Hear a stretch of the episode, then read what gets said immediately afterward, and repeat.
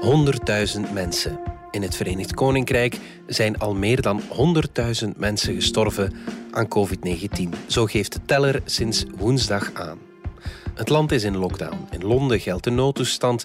En door voluit in te zetten op vaccinaties hoopt premier Boris Johnson dat de ziekenzorg niet ineens stuikt door een te grote toevloed aan patiënten. Het is vrijdag 15 januari. Ik ben Alexander Lippenveld en dit is de podcast van de Standaard.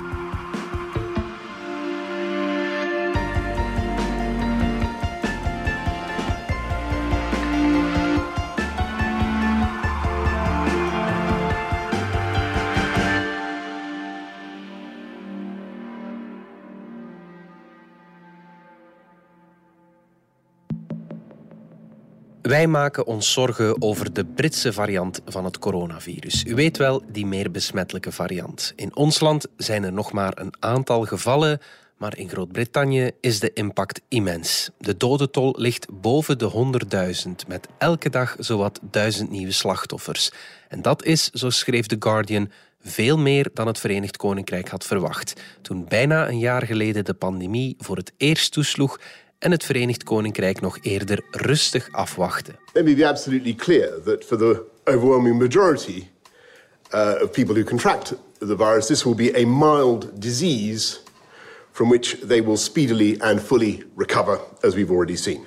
But at this stage, and with the exception of all the points that I have just mentioned, I want to stress that for the vast majority of the people of this country, uh, we should be going about our business as usual. Die rust is al lang weg. Luistert u maar even naar premier Boris Johnson woensdag in het parlement. De druk op de NHS, de National Health Service, wordt onhoudbaar. The situation is very, very tough indeed in the NHS, and I, I think people uh, should really you know, go beyond the normal. They now really are uh, fighting very, very hard to contain this uh, pandemic, and I think the strain is is colossal. There are about 32,000 uh, COVID inpatients. Uh, that's about 70% more than there were at the peak in uh, in April.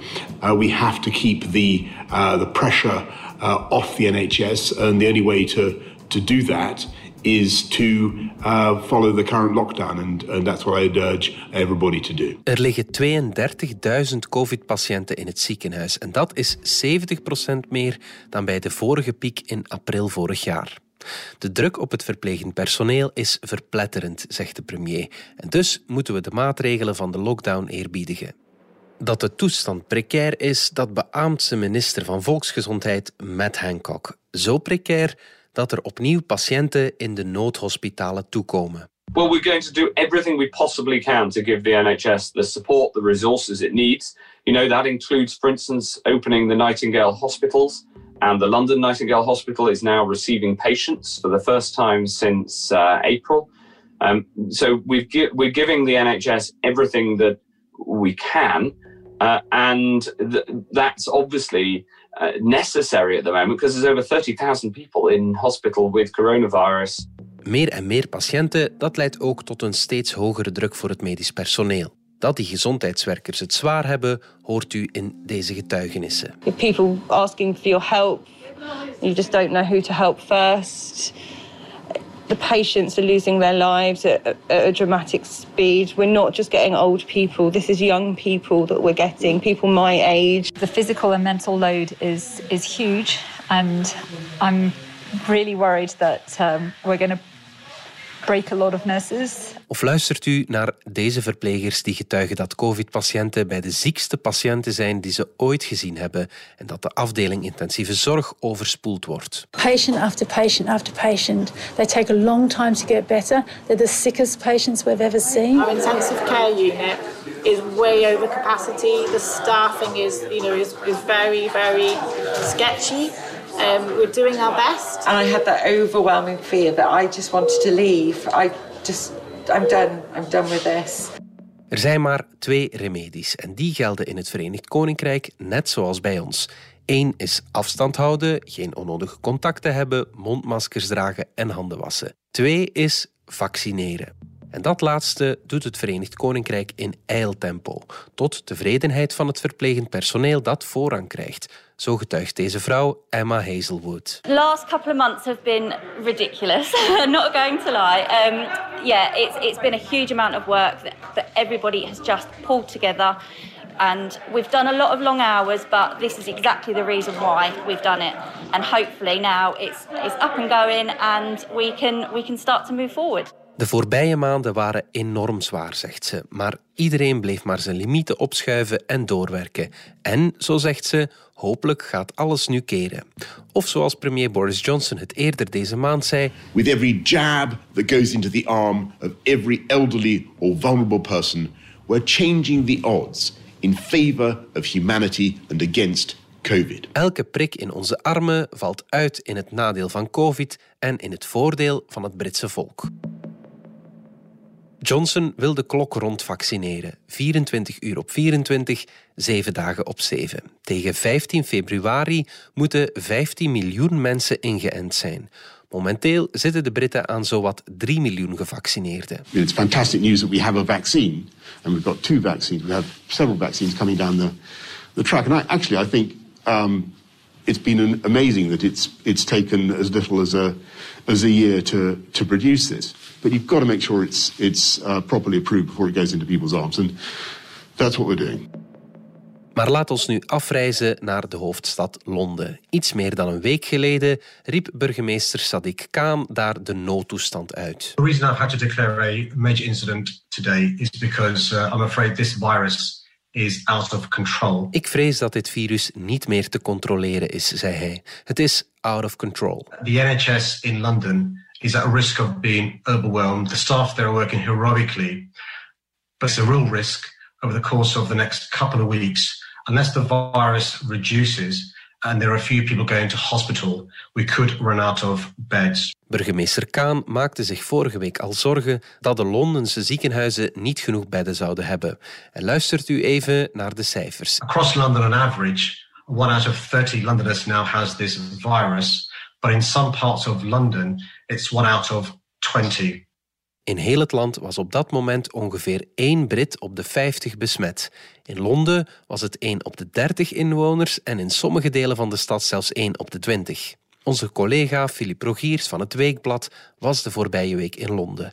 En dat het virus niet in elke wijk even zwaar toeslaat, was een van de vaststellingen die hij daar deed.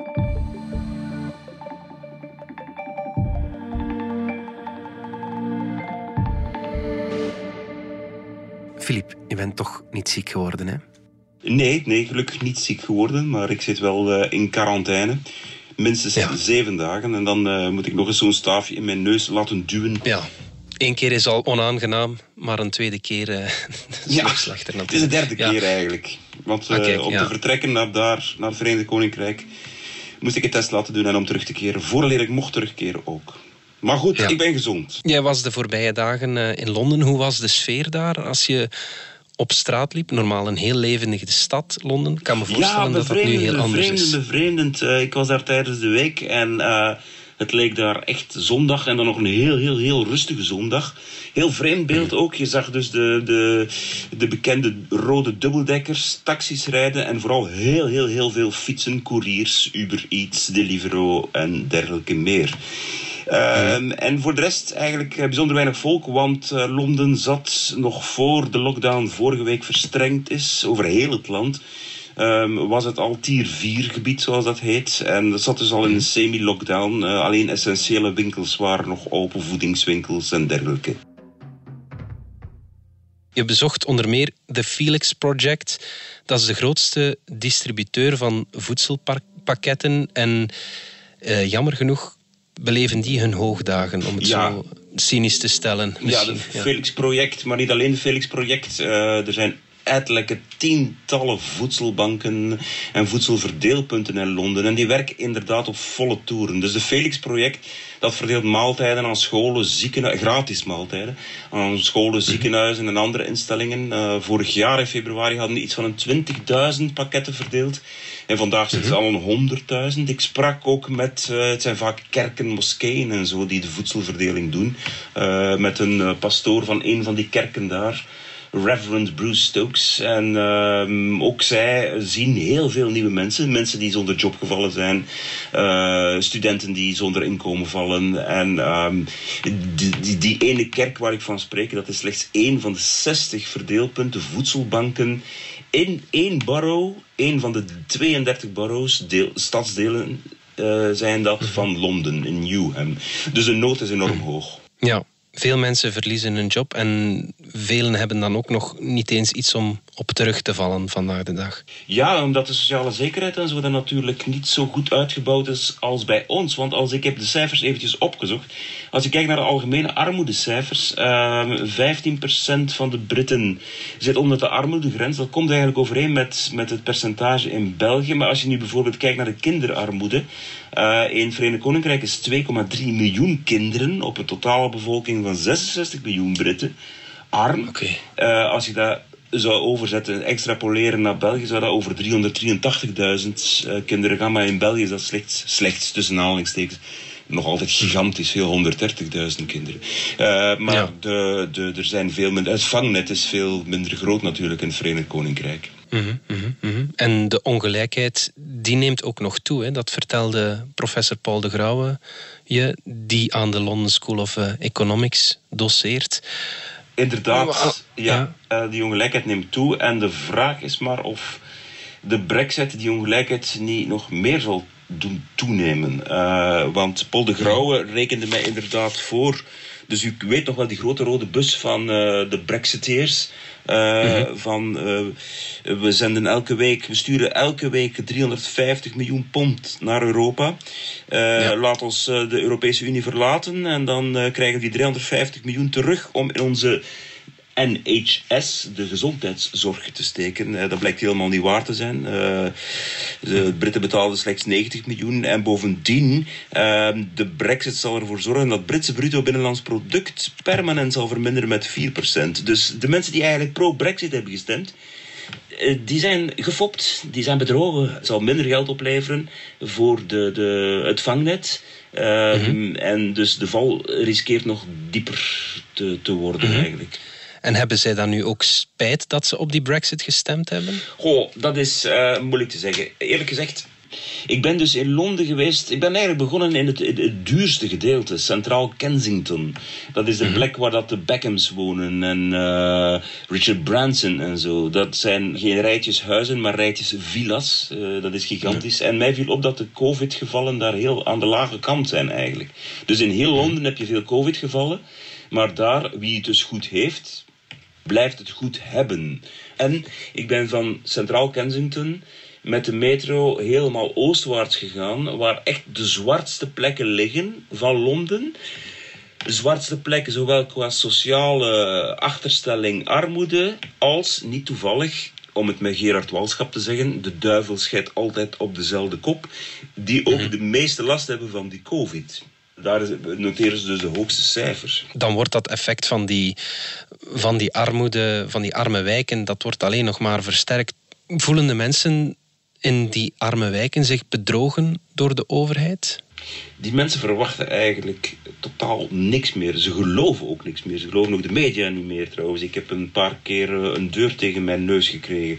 Ehm, En de brexit, eh och, brexit in of uit de Europese Unie. Weet je, die mensen zijn een beetje die fase zelfs voorbij. Eh, die geloofden, die, die hebben geen vertrouwen in de overheid. Het sociaal contract is fundamenteel gebroken na decennia van, van austerity, besparingsbeleid. En dat begint, eh, de mensen die ik gesproken heb, ik heb veel met Labour-mensen gesproken, dat merk je ook wel. Ehm, die, die, die, die, die schrijven het toe, het is begonnen eind jaren 70 met Thatcher. There is no such thing as society. En die afbraak. Eh, die is voortgegaan eh, met de bekende gevolgen. Zijn de, de, de, de lusten zijn privé geworden en de lasten zijn allemaal voor de, voor de gemeenschap.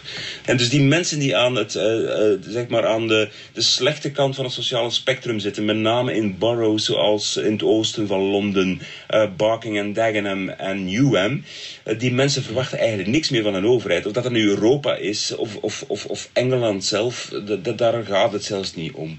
Eh, en die mensen, dat is een heel interessante eh, vaststelling, vind ik, die ik daar heb kunnen doen. Die mensen verwachten weinig van de overheid. Dat wil ook zeggen dat als die overheid vraagt om de maatregelen voor corona strikt na te leven. En dat wordt daar samengevat in hands, face en space. Dus handen wassen, uw gezicht bedekken en afstand houden. Die mensen luisteren daar ook niet naar. En eh, heel opvallend, in centraal Kensington en in andere beter delen van Londen wordt het mooi, uh, worden die regels vrij goed nageleefd. Uh, Maar hoe verder je weggaat richting armer oosten, om het nu een beetje eenvoudig te zeggen, hoe minder mondmaskers je ook zal zien. We zijn terug na de reclame.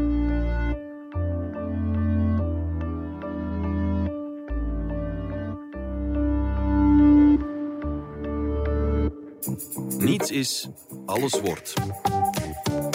Dat hadden de Grieken 2500 jaar geleden al begrepen. En dat is nog altijd zo. Vandaag wellicht meer dan ooit. Maar hoe vind je je weg in een wereld die almaar sneller verandert? Kennis is het beste kompas, weten we bij BNP Paribas Fortis.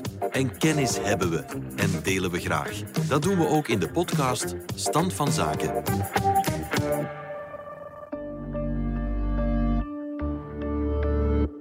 Als je de COVID-kaart en de Brexit-kaart op elkaar legt, in welke mate stemt dat overeen? Ja, wat mij daar opviel, um, in Centraal Kensington, dus het rijkste gedeelte van Londen, tussen Holland Park en Kensington Gardens. Wat daar opvalt is het aantal COVID-gevallen is daar beperkt, zeer beperkt. En dat is juist de plek waar er eigenlijk het minst voor Brexit gestemd is, het minst voor Leave gestemd is. En hoe verder oostwaarts je gaat, naar boroughs zoals Barking en Dagenham en Newham, daar heeft het gros van de mensen Leave gestemd voor Brexit. En dat zijn ook de plekken waar mensen nu nog eens een tweede keer extra gefopt worden door COVID. COVID slaat daar het hardst toe. Uh, er is natuurlijk geen direct kausaal verband tussen Brexit en COVID. Maar wat je daar wel kunt uit afleiden is: mensen, wie heeft er vooral voor Brexit gestemd? Dat zijn in, in, uh, in bepaalde delen van Londen zijn dat de wijken die het meest gedepriveerd waren, al het meest achtergesteld waren. Dus die hebben hun hoop daarin gesteld. Die hebben dat geloofd op een bepaald moment, die beloftes van de Brexit-partij, van UKIP, van Farage en zo. Van uh, ja, we gaan uh, ja, eigen centen eerst, zeg maar. Um, en, maar in die wijken leef je ook, alles is daar slechtst. De indicatoren zijn er allemaal het slechtst. Zowel kinderarmoede is daar het hoogst. Uh, de behuizing is daar het slechtst. Mensen wonen daar dikst op elkaar, kunnen dus sowieso, mochten ze dat al willen, de coronaregels, hands, face, space, moeilijker toepassen. Dus ze zijn ook kwetsbaarder voor COVID. Het is een, het is een, het is een zeer klassiek verhaal. Hè. Het is een Matthäus-effect. Wie, uh, wie arm heeft, wordt armer. Wie arm is, wordt sneller ziek. Uh, en, en, en, en, en heeft het in het algemeen altijd uh, veel lastiger. dus in die zin kan je, dat, kan je die kaarten inderdaad een beetje over elkaar leggen. Wat verwachten die mensen in de armere wijken van de overheid? Kan de overheid hun vertrouwen nog terugwinnen? Ik heb gesproken met um, in um, Barking en Dagenham, dat is dus één stadsdeel, één borough of gemeente, als je het zo kunt zeggen. Ook al is dat groter dan Gent of uh, het provincienest Antwerpen. Um, mm -hmm. Dus in Barking en Dagenham, daar heb ik gesproken met de voorzitter van het lokale bestuur, eigenlijk zeg maar de voorzitter van de stadsraad, uh, Labour Councillor, Darren Rodwell. En die zei mij wel van verhoudingsgewijs. Parking en Dagenham, dus wetende van hoe achtergesteld het is, hoe, hoeveel armoede er is en hoe slechte mensen behuisd zijn enzovoort, zou je daar eigenlijk nog veel hogere COVID-cijfers moeten hebben. Maar ze hebben daar de laatste tien jaar toch wel heel veel uh, in geïnvesteerd, in herstellen van sociaal weefsel. Ze hebben ook vorig jaar zei hij mij, bij de eerste golf heeft het lokaal bestuur daar, lokale politiek, 80 organisaties samengebracht. Vrijwilligersorganisaties van alle mogelijke pluimage, om de, de veerkracht van die gemeenschap uh, toch te versterken.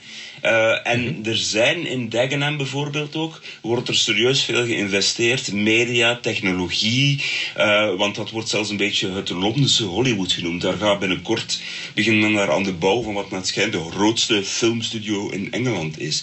Dus er beweegt echt wel iets. Is dat genoeg om het vertrouwen terug te winnen van de bevolking? Dat weet ik niet. Ik heb geschreven in mijn reportage ook van... Er zijn zeker vast veel mooie verhalen, zoals je bij ons in Brussel en Molenbeek ook ziet. Maar sommige kankers zitten nu eenmaal zo diep en zo ver gevorderd dat ze niet meer te behandelen zijn. En daar vrees ik zeker voor. Bepaalde zaken die ik gezien heb in die wijken, Baking en Dagenham, zijn zo schrijnend dat, ehm, dat je denkt van ja, hier helpt, geen, uh, hier helpt weinig eigenlijk. Behalve pappen en nat houden. Philip Rogiers, dankjewel. Dank u. Dit was de podcast van De Standaard. Bedankt voor het luisteren. Reageren kan via podcast.standaard.be. Alle credits vind je op standaard.be-podcast. Maandag zijn we opnieuw.